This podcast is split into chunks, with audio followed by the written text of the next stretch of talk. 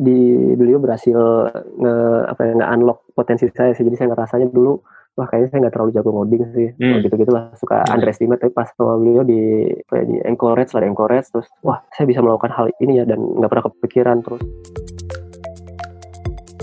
Selamat datang kembali di Ceritanya Developer Podcast bersama saya Riza dan di podcast ini kita akan mendengarkan cerita dari developer, programmer, software engineer keren tentang masa lalu, masa kini, dan masa depan mereka, tentang bagaimana mereka memulai karir sebagai developer.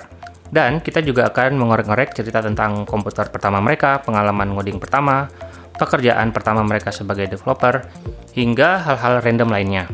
Podcast ini diedit dan diproduksi oleh Deep Tech Foundation, sebuah lembaga non-profit yang mempunyai misi yaitu menyetarakan talenta digital di seluruh Indonesia. Dan sekarang kita sudah bersama Mas Ahmad Ansor Muslim Syuhada dari uh, Evisery. Ya. Dan uh, kita langsung sapa aja. Halo Mas Ans, gimana kabarnya? Halo Mas Riza. Ya, kabarnya hmm. cukup frustrasi di wabah corona ini. wabah corona, iya. Kita masing-masing di rumah, masing-masing gitu ya, nggak boleh keluar rumah gitu. Dinikmati aja lah ya. Oke, okay, um, jadi boleh di-share nggak cerita cerita pengalaman pertama kali berkenalan dengan komputer? Kalau komputer pertama kali saya tahunya zaman SD.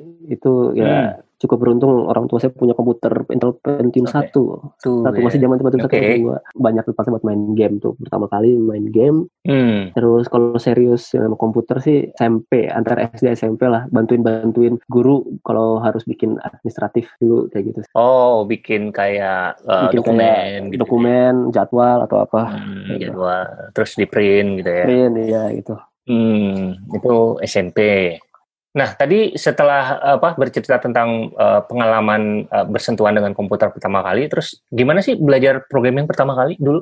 Ingat gak? Dulu itu karena saya punya bukunya Pak Jugianto yang Pascal, jadi mm -hmm. belajar programming pertama sebenarnya kenal bukunya SMP, cuma belajarnya di SMA itu Pascal sih, Pascal. Pascal ya. Itu tahun berapa? 2007. 2006 2007-an. 2006 ya, 2007 ya. Ada blurry 2007-an. Oke, oke. Ya sekitar itulah ya. Nah, um, setelah belajar Pascal gitu, terus selanjutnya belajar apa lagi sih di yang berhubungan dengan komputer? Nah, habis itu karena saya ada klub yang suka komputer, di SMA uh, eh, bikin web pakai PHP sih. Belajar oh, belajar hmm, belajar pemrograman web ya. Rencananya bikin apa waktu itu? Jadi waktu itu di klubnya itu pengen bikin situs gitu sih, cuma situs informasi aja. Hmm, informasi. Okay, okay. Akhirnya pakai PHP. Paling mudah dipelajari ya waktu itu ya. Dulu kayaknya saya pakai Joomla. Joomla. Joomla. Joomla. Oh, Joomla. Pakai okay. Ya, hmm. Orang-orang lama mungkin tahu Joomla ya sekarang. Tahu ya. Uh, itu kenarnya sebelum WordPress ya. Kalau sekarang kan WordPress ya. Paling iya. sebelum WordPress. sebelum WordPress ya. Oke. okay. Uh, Oke. Okay. Nah, uh, setelah itu SMP, SMA belajar Pascal, SMA terus belajar programming web. Kuliahnya gimana tuh? Uh, lanjut kuliahnya ke mana? Saya kuliah lanjut di Bandung di ITB uh, stay mm-hmm. di penjurusannya ngambil teknik informatika. Penjurusannya teknik informatika. Nah, uh, di kuliah pasti udah banyak bersentuhan dengan programming kan, belajar bahasa berbagai macam bahasa pemrograman, database, uh, arsitektur dan lain-lain. Ada ini enggak sih apa aplikasi keren atau aplikasi menarik pertama yang dibuat yang masih diingat sampai sekarang gitu? Waduh, kalau pas zaman kuliah banyaknya karena tugas-tugas ya. Ya hmm. sebenarnya paling berkesan sih ada uh, awal-awal tuh masih zaman command command line sempat diminta buat bikin semacam spreadsheet pakai command line terus bikin uh, semacam Microsoft Paint pakai command line terus bikin animasi pakai command line paling berkesan lah hardcore banget dulu C++ hardcore ya C++ ya Hard, bikin aplikasi command line spreadsheet wow nah, sama animasi-animasi gitu menggunakan C++ C++ luar biasa. Cuma kalau yang berkesan banget sih bikin semacam Dropbox nah, itu bikin paling berkesan. Oh ternyata bisa nge-replikasi cara kerja Dropbox lah. Oh sempat bikin uh, sistem seperti Dropbox yang buat syncing dan lain-lain ya? Syncing ya itu hmm. itu awal-awal yang berkesan. Oh, keren sekali ya. Itu pakai C++ juga? Oh, enggak, kalau itu Wah. Java kalau saja. Oh, Java. Oke. Okay. Ada, ada harus ada tampilan soalnya. Oh, harus ada tampilan ya. Iya, benar benar benar. Oke. Okay.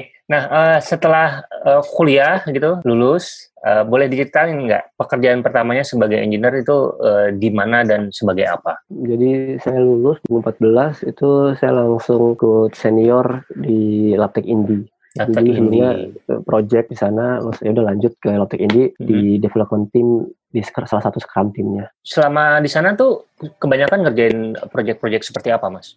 Banyaknya saya projectnya yang buat lomba sama uh, instalasi. Jadi banyaknya main ke visualisasi sih. Jadi pakai processing framework P5JS kalau di hmm. JavaScript-nya buat bikin visualisasi visualisasi. Oh, Oke, okay. jadi uh, main-main juga dengan mulai main dengan JavaScript juga ya di Labtech ini ya? Iya, JavaScript hmm. baik itu back end dan front end ya. Terus boleh di share nggak uh, mulai dari tadi kan pekerjaan pertamanya di Labtech ini, terus uh, pekerjaan kedua dan seterusnya sampai sekarang ada di Evisery. Ya, jadi setelah di Labtech Indie saya ke No Limit No Limit sosial media sama karena diajak senior juga senior, senior juga di No Limit uh, main sebagai data engineer pindah ke Evisery juga sama diajak senior juga pindah ke Evisery okay. karena main dari IoT sampai software ya secara generik dari hmm. IoT sampai web. Oh, dari IoT sampai web. Nah, ini menarik kalau uh, software atau aplikasi secara umum atau aplikasi web itu udah lumayan sering dibahas kan. Nah, uh, saya tertariknya nih di IoT-nya. Gimana sih uh, apa challenge atau tantangan terbesar ketika join Evisery uh, terus harus uh, ikut serta dalam membuat produk yang IoT gitu kan. Evisery kan bikin uh, pakan uh. otomatis gitu kan, pakan kasih makan uh. ikan otomatis itu kan IoT banget kan. Itu main-main hardware dan lain-lain lain itu tantangannya di mana sih? Kalau hardware karena satu proses lebih lama dari software itu banyak keputusan yang harus diambil lebih awal jadi bukan lebih awal kayak ini kalau dari produksi ini kita sudah akan sulit lagi nih kalau harus rollback dan lain-lainnya jadi ya hmm. sulitnya memutuskan uh, engineering apa yang dipakai saat itu dan okay. harus punya kemampuan extend. Oh jadi merubah sesuatu ketika sudah uh, udah apa udah istilahnya udah di production udah susah ya. Susah. Jadi uh. alat atau komponennya sudah ada jadi emang harus dipikirkan komponennya nggak ada jangka panjang, cukup murah untuk harus di scale-nya komponen hmm. komponennya. Berarti harus benar-benar dipikirin tuh pada saat desain fase desain dan uh, apa arsitektur dan lain-lain itu udah harus dipikirin dari awal iya, gitu ya. Iya, lebih lebih ketat jadinya, lebih ketat mikirnya lebih ketat ya. Ya kalau misalnya hmm. salah gitu ya udah harus buang semua production hardware itu jadi ganti lagi yang baru gitu ya. Nggak, kita nggak boleh ngebuang karena kalau oh, ngebuang bu buang kos ya. Oh, iya iya. Akhirnya iya. harus nambah bakal harus nambah komponen. Nah itu. Nambah, uh, ya ya nggak nggak semuanya dibuang tapi ada beberapa part diganti gitu ya gitu ya. Oke. okay. Di extend. Di extend. ya yang yang jelas waktunya kan apa waktu pengerjaannya pasti molor jadinya kan gara-gara kesalahan itu. Iya. Nah kalau momen atau kontribusi yang paling membanggakan selama jadi engineer Udah berapa lama sih Mas jadi engineer dari lulus kuliah itu tahun berapa ya? Jadi engineer yang masa profesional karena kerjaan sih mungkin uh, sekitar enam tahun, tapi kalau uh, sambil project dari dulu ya hmm. udah hampir 10 tahun sih. Hampir 10 tahun ya. ya. Hampir 10 tahun jadi engineer terus uh, apa sih project yang paling membanggakan gitu? Pengalaman aku di No Limit sih itu paling cukup pokoknya karena lagi ada existing system yang jalan tapi harus uh, sambil melakukan migrasi, bikin sistem baru, lalu migrasi sistemnya, migrasi sistem dan bikin barunya itu cuma dalam waktu 4 sampai 6 bulan dan itu udah harus live, klien bisnis sambil jalan, SLA jalan, nah itu paling wow banget sih. Sesuai target gitu ya, 6 sampai apa 4 sampai 6 bulan bisnisnya jalan, migrasinya jalan, semuanya running smoothly gitu ya. Di memenuhi ekspektasi lah Oh, memenuhi ekspektasi. Oke, okay, oke, okay, oke. Okay. Nah, sebaliknya kalau yang memalukan ada nggak sih? Sama juga sih waktu di No Limit waktu uh. itu first week kayak minggu pertama dan saya cuma lupa nggak jalanin salah satu script di di deployment hmm. sehingga akhirnya storage membengkak hmm. uh, database membengkak, uh, bottleneck, bisnis mati berapa jam dan lumayan lah, lumayan langsung kerasa kosnya kerasa kosnya gara-gara pelajaran penuh gitu ya Ma iya, pelajaran banget uh, okay. uh, malunya ya cuma lupa salah satu skrip doang eh cuma lupa salah satu skrip akhirnya jadi costly gitu ya Terus uh, bisnis uh, sempat mati juga sama beberapa jam. Iya. Terus apa? Tinggal jalanin skrip itu habis itu solusi udah udah selesai gitu masalahnya ya? Enggak. Oh, enggak. Terus mitigasi. mitigasi. mitigasi. Oke. Okay, okay. Nah, uh, di awal-awal karir sebagai engineer punya mentor nggak sih, Mas Ans ini? Ya, saya sangat berterima kasih ke salah satu sosok dan salah satu sosok juga di di tech juga sih Mas Harimurti hmm. Prasetyo itu. Harimurti Prasetyo itu ya. yang uh, ngebantu saya di awal-awal engineering ngasih ngasih tunjuk oh ini bagusnya gini, bagusnya gini, bagusnya gini. Hmm, itu ketemunya waktu di No Limit ya? Di No Limit. Waktu di No Limit.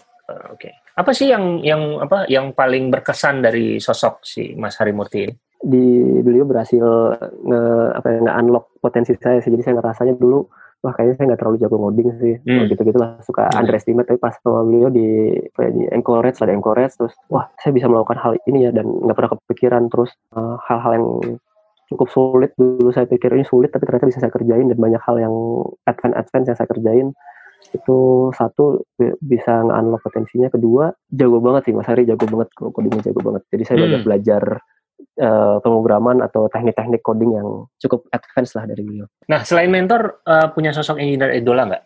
Engineer idola cukup umum sih di hmm. David Pak David yang uh, Basecamp, Basecamp. yang uh, megang Robbie Onra juga David paling lengkapnya David Hasselhoff.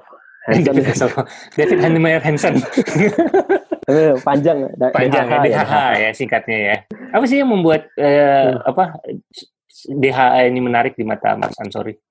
karena selain dia jago, uh, jago teknisnya juga dia thought leader lah ya punya punya punya pemikiran di dunia IT itu yang ngebentuk landscape IT lain sih selain secara teknis secara produknya juga secara hmm. culture hmm. jadi dia banyak banyak kontribusi itu dari super engineering ke culture ke produk development ke hmm. engineering sendiri dengan uh, library-nya eh framework-nya Padahal uh, sehari-hari juga nggak pakai Ruby on Rails ya? Iya, saya saya nggak pakai Ruby on Rails. Iya, yeah, tapi uh, apa uh, si apa si uh, DHH ini dan juga Basecamp juga itu berperan penting untuk membuat apa ya engineering culture-nya bagus gitu yang bisa dicontoh gitu buat perusahaan-perusahaan di Indonesia kali ya.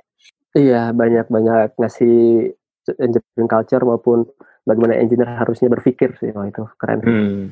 Oke, oke, oke. Nah, ini Mas Ansori kan udah cukup lama juga kan berkecimpung di dunia pemrograman dari udah hampir udah mungkin bisa dibilang kurang lebih 10 tahun gitu ya. Apa sih yang bikin hmm. Mas Ansori itu ingin ngoding terus hmm, jatuh cinta sama dunia pemrograman? Karena rasanya bikin sesuatu yang ya bikin solusi dari problem tuh seru sih ya ada rasa puas bisa bikin sesuatu untuk memudahin kerjaan yang lain itu juga kalau ngoding rasanya bisa bisa bikin sesuatu dengan cepat aja itu itu yang paling puas sih. Nah di role-nya sekarang di apa Visery masih ada apa masih sering ngoding nggak sih atau udah lebih ke riset atau managing people atau apa? Ya kalau sekarang uh, mungkin 50% sih uh, managing tim ya, managing tim managing ya. organisasi ya, managing mm-hmm. managing organisasi, okay. bikin visi atau lain. Mm-hmm. Tapi kalau coding saya masih terus ngelakuin baik itu personal maupun tim. Mm-hmm. Nggak nggak banyak sih yang dilakuin buat development feature secara langsung. Yang banyak dilakukannya uh, yang riset advance atau yang krusial atau darurat darurat hmm. teknis itu saya masih ngelakuin sih. Oh. Riset dan krusial. Jadi banyak gitu. banyak riset ya sekarang ya, banyak lebih riset ya. Mm -mm, banyak riset dan hmm. ya porsi utamanya mungkin arsitektural sih, jadi lebih banyak ke arsitektural. Arsitektural, oke okay, oke. Okay. Nah kalau bahasa pemrograman uh, punya nggak sih bahasa pemrograman yang favorit atau yang yang sekarang-sekarang ini lagi di digandrungi gitu?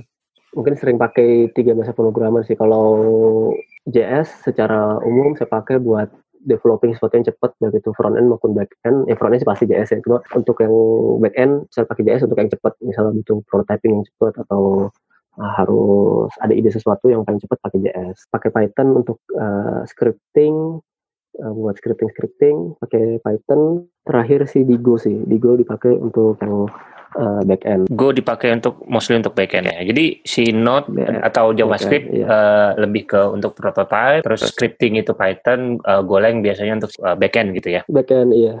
Uh, punya hobi nggak di luar programming dan komputer? Ya, selain developing ya baca buku denger musik ya sambil main musik sih kayak beberapa kali mungkin sebulan sekali lah sama anak-anak kantor masih main ngejam studio. Oh oke okay. main musik ya sama anak-anak advisory gitu. Iya. Hmm. Uh, terus apa uh, instrumennya yang dikuasai apa? Kalau saya cuma main bass aja mas di sana ngejamnya, nggak bisa yang lain. nggak bisa yang lain ya?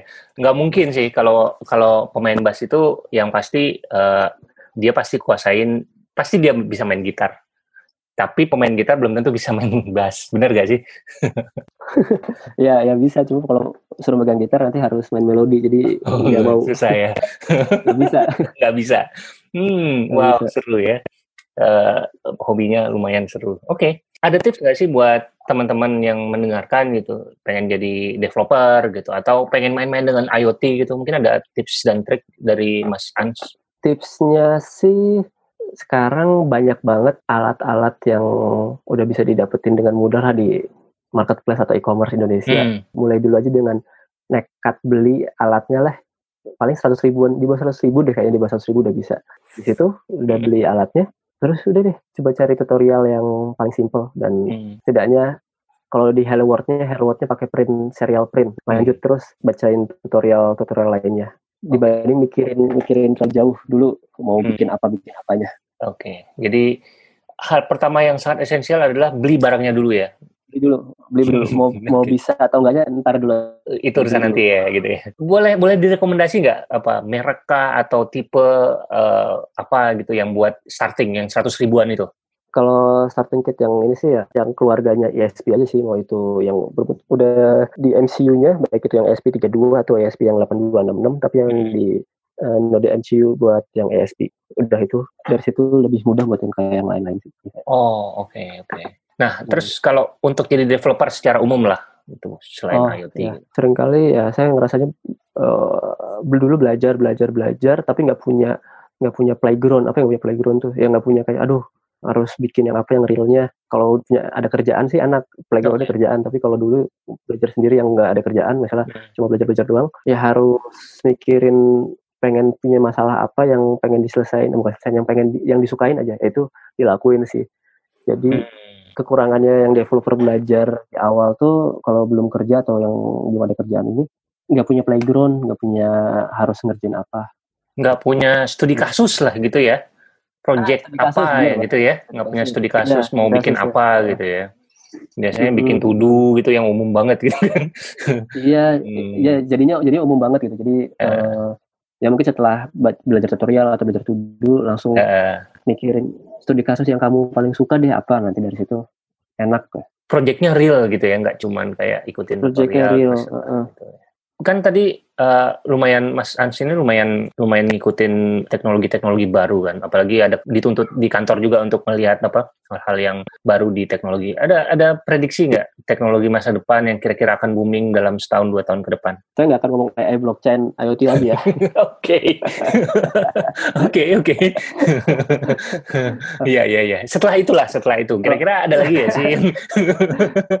Ini ini mungkin uh, yang saya lihat dari di landscape dari Evisery ya hmm. uh, generiknya saya ngelihat ada tiga hal ya topik utamanya yang juga saya lagi masih riset di situ okay. offline first no code movement no code movement sama edge computing edge computing oke okay. edge computing jadi hmm. pertama offline first gimana caranya kita bikin aplikasi nggak cuma dari sisi teknis tapi dari sisi experience itu yang nggak tergantung dengan internet uh, online. Hmm. Yang tidak terlalu tergantung kepada Tapi, internet ya?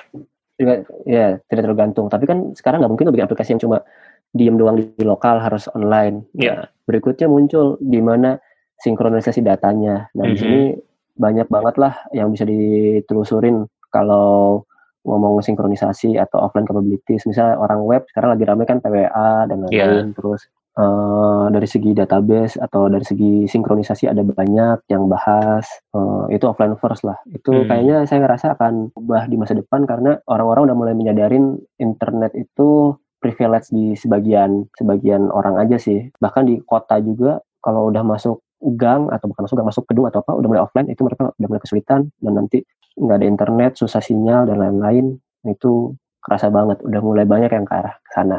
Hmm. Google juga udah udah nyebutnya next billion user. Ya, Next billion, dari ya. Google nyebutnya next billion user kan. Jadi Ya. ke arah sana tuh offline first nah, itu Offline first. Oke. Terus yang kedua tadi yang no code movement ini sebenarnya saya nggak tahu istilah teknologi atau orang buzzword ya. Hmm. Tapi tapi yang saya lihat eh, orang-orang nih makin lama mulai sadar dengan pentingnya belajar coding kan awalnya pentingnya belajar coding terus Iya. pentingnya mempunyai atau bikin produk digital. Nah dari situ mulai tuh bermunculan service-service yang bikin aplikasi eh, secara UI drag and drop mungkin kayak semodel mungkin Wix atau semodel eh, yang lain-lain lah ya. Di sini orang-orang mulai mulai mulai bisa bikin eh, aplikasi secara cepat. Nah tantangannya mak- makin relevan nggak sih eh, engineer-engineer ini buat buat bikin hal yang sebenarnya udah bisa diotomasi Iya, atau iya. udah punya generatornya. Yes. Dari situ engineer mikirnya lebih tinggi lagi sih, tinggi- lebih Hmm. tingginya. Contoh sih contoh kalau saya saya lagi mikir gimana kalau ngomongin bikin aplikasi yang cuma sekedar CRUD itu nggak harus ngoding lah. Jadi kita udah punya udah punya satu layer sendiri yang emang ngurusin jadi generator CRUD-nya. Hmm, hmm. Oke. Jadi lebih lebih banyak mikirnya engineer bikin sesuatu yang mengenerate sesuatu yang lain. Iya. Jadi nggak langsung bikin A solusi A oh, harus pakai ini, Hmm. ini, tapi generate solusi lain. Itu Hmm. itu saya ngeliat trennya ke sana karena orang-orang makin lama makin sadar dengan butuhnya teknologi digital, makanya pengen makin cepat. Jadi engineer harus bikin tools yang mempercepat membuat sesuatu. Oke, jadi no code movement itu sebenarnya bukan apa ya, bukan eh, bahaya buat engineer-engineer sekarang gitu ya, tapi justru bisa membuat kita jadi lebih kreatif memikirkan eh, problem-problem di luar eh, aplikasi yang sudah umum dibuat kayak CRUD gitu kan udah biasa gitu kan. Benar Iya, sih? betul Hmm, betul. Oke. Jadi eh, mungkin kalau saya nyinggung paling gampang sistem informasi lah. Sistem informasi Hmm. kan paling sering yang CRUD ya. Nanti Iya. itu udah bisa tergantikan, udah Sudah. tergantikan. Kita mikir yang lebih tingginya integrasinya, Hmm. integrasi sama sistem lain, third party atau Ya, ya, ya. Skripsi banyak ya, sistem informasi ini, sistem informasi itu gitu ya. oh masih banyak ya? Ya, ya Nggak tahu sekarang ya, udah, kalau udah dulu sih. lewat harusnya. Oh, nggak tahu. Harusnya udah lewat ya. Dulu sih ya, Oke, oke. Oke, oke, sekarang udah mudah. Siap. Terus terakhir tadi edge computing ya. Ah, Edge computing, hmm. edge computing ini eh, karena saya di IoT, ya dulu saya ngerasa oh cloud itu tadi privilege lagi, privilege Hmm. banget punya punya akses internet dan cloud. Semua kepintaran atau processing dan lain ditaruh di alat. Di alat. di alat. Ini jadi edge computing ini processing semua di alat. Sekarang trennya kenapa saya bilang edge computing, meskipun Google punya punya sendiri eh, ekosistem cloud-nya, tapi me- mereka punya riset perkembangan TensorFlow Lite, terus semua hal-hal processing itu bisa ditaruh di level device kayak HP atau bahkan dev kit-nya sendiri. Ya sekarang semua akan bisa diproses di alat dulu dibanding harus ke cloud. Jadi pola pikirnya nanti processing ke cloud tuh mulai berkurang sih. Hmm, Semua di alat edge computing dan ini sebenarnya nyambung ke tren yang saya lihat lagi di masa depan cuma belum belum belum banyak eh, kelihatan sih Mm-mm. decentralized web sih. Saya ngerasanya decentralized web, web web yang enggak nggak kayak sekarang modelnya tiap orang tuh eh web tuh sekarang kan server di atas ya.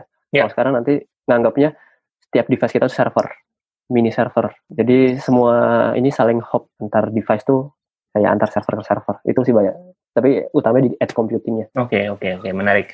Nah, eh, ngomongin tadi soal offline first gitu ya, Mas Ans ini sempat ngomongin ini di JSConf eh, Singapura ya, kalau nggak salah ya, tentang offline first. Jadi teman-teman kalau mau tahu lebih lanjut bisa search saja di YouTube, ada videonya eh, tentang eh, offline first di JSConf eh, Singapura tahun 2019 ya. Iya, tapi itu malu banget itu ngomong di depan orang. Oh, kenapa? Kenapa? Baru pertama ngomong di conference kah atau gimana? Eh, ya kalau yang conference internasional yang eh, di luar paper itu pertama kali sih itu Hmm. first time dan cukup berbeda lah rasanya ngomong di lokal, ngomong di kota nasional dan paper beda. Beda banget ya, apalagi pakai bahasa Beda. Inggris lagi ya. Lebih karena audiens sih audiensnya audiensnya beda. beda ya karena topik itu pernah eh, waktu itu sempat dibawain kan waktu di Bandung GS kalau nggak salah ya Nah, kita bareng-bareng juga Bandung Jazz di bareng, waktu itu bareng. bareng Cuma beda beda perspektif, beda, Beda- perspektif beda yang diambil ya. oh I see ya jadi teman-teman harus lihat nah eh, kalau rekomendasi buku buat teman-teman yang teman-teman engineer lah Mhm. sesama engineer mungkin buat supaya jadi engineer yang lebih baik atau tidak eh, spesifik ke teknologi juga ada nggak sih buku Ini bukunya berbayar sih ya. Tapi kalau kalian punya kesempatan uh, baca bukunya atau coba cari slide-slide punya orang yang bahas ini, hmm. Effective Engineer sih satu. Effective Engineer. engineer. Hmm. Bukunya non teknis tapi ngebantu hmm. banget buat jadi pola pikir engineer, behavior engineer yang baik dan benar hmm. lah. The Effective Engineer. Terus, Edmund Lau ya. Edmund Lau, The yeah. Effective Engineer. Buku lainnya mungkin kalau engineer, ya ini saya nggak ngomong terlalu engineer yang teknis ya. Buku-buku product development deh, buku-buku product development. Hmm. Ada banyak Marty Kagan pasti yang inspired. Coba baca terkait user story mapping dari Joe Patton kalau nggak salah user story mapping. Terakhir okay. baca bukunya bukunya Nir Eyal atau Charles Duhigg. Kalau Nir Eyal sih yang hook yeah. sama kalau Charles Duhigg yang habit. Habit. Oh. Itu itu ngebantu pola pikir bikin bikin produk sih. Di situ dibahas juga tentang apa sosial media yang sekarang lagi ngetrend gitu, gimana caranya mereka menggrab attention si user gitu supaya tetap harus pakai terus gitu ya. Nah uh, untuk teman-teman pendengar nih, kalau ada yang mau ngobrol atau mau say hi di dunia maya, kira-kira enaknya uh, lewat mana ya? Kalau saya aktifnya di Twitter, kalau yang Twitter aktif, ya. bisa sambil orang nanya dan lain-lain, bisa yeah. ke Twitter saya hmm. at ans4175 at ANS 4175. Oke. Okay. Iya. Silahkan langsung di follow atau di DM ya. Oke. okay. Sebelum kita tutup, mungkin ada cerita menarik lain yang belum diceritakan? Ya, saya sering, saya masih ada beberapa komunitas yang saya bantuin bukan di Bandung sih, di, hmm. daerah di Cirebon hmm. terutama. Beda ya kalau saya ngamatin kayak di Malang, Bandung, Jakarta udah pada mature. Uh, jangan malu-malu bertanya itu aja sih. Jadi kalau pemula atau baru ini jangan sungkan nanya ke orang, nanya langsung atau Stack Overflow atau apa, jangan sungkan sih. Jadi justru enaknya di IT itu kita bisa bisa nanya langsung ke sumber orangnya secara formal atau informal ya. Formal by email by informal nanya Stack Overflow nanya di twitternya nanya di apa pun media yang dia bisa balas tuh saya lakuin hal itu juga masih. Jadi saya sering masih sering kontak ya kayak misal sempet ngobrol balas-balasan reply sama Jack Archibald nanya masalah isu ini langsung dibalas sama Jack Archibald terus nanya email ke uh, penulis buku ini langsung penulis misal kita ada bingung buku ini atau siapa saya email saya tanya dia untuk bisa balas Stack Overflow bingung nanya balas nah hmm. enak banget sih yeah, iya, dibanding yeah. zaman dulu sulit nyari orang yang ditanyain atau apa hmm. sekarang bisa manfaatin email Twitter uh, buat langsung nanya ke orangnya langsung sih gitu. Hmm, ya, jadi kalau misalnya apa uh, ngefans atau apa ya uh, tertarik satu topik atau tertarik kepada satu orang sosok gitu yang mau jadi bisa dibilang jadi mentor gitu kan itu bisa hmm. coba dikontak aja gitu ya. Nggak usah sungkan-sungkan untuk kontak ya. Sungkan-sungkan. Bikin hmm. kitab isu langsung juga nggak masalah. Iya bener. Langsung di, dijawab sama mereka iya iya biasanya gitu ya langsung dijawab ya. Se sebodoh apa pun isunya gitu ya walaupun isunya udah pernah dijawab pun mereka pasti akan ngerespons gitu ya. Iya kebanyakan, ya seperti gitu ya. saya masih merasa suka nanya-nanya nggak penting juga gak penting. Stack Overflow masih ada yang jawab kok. Masih ada yang jawab merasa ya. ini Twitter Twitter lebih Twitter lebih paling ya, enak sih. Paling enak ya. Uh, agak casual gitu ya Oke deh kalau gitu uh, terima kasih Mas Ansori atas uh, ceritanya. Uh, sampai ketemu lagi di lain kesempatan. Sukses untuk karir dan kehidupannya. Sama-sama Mas Rizal.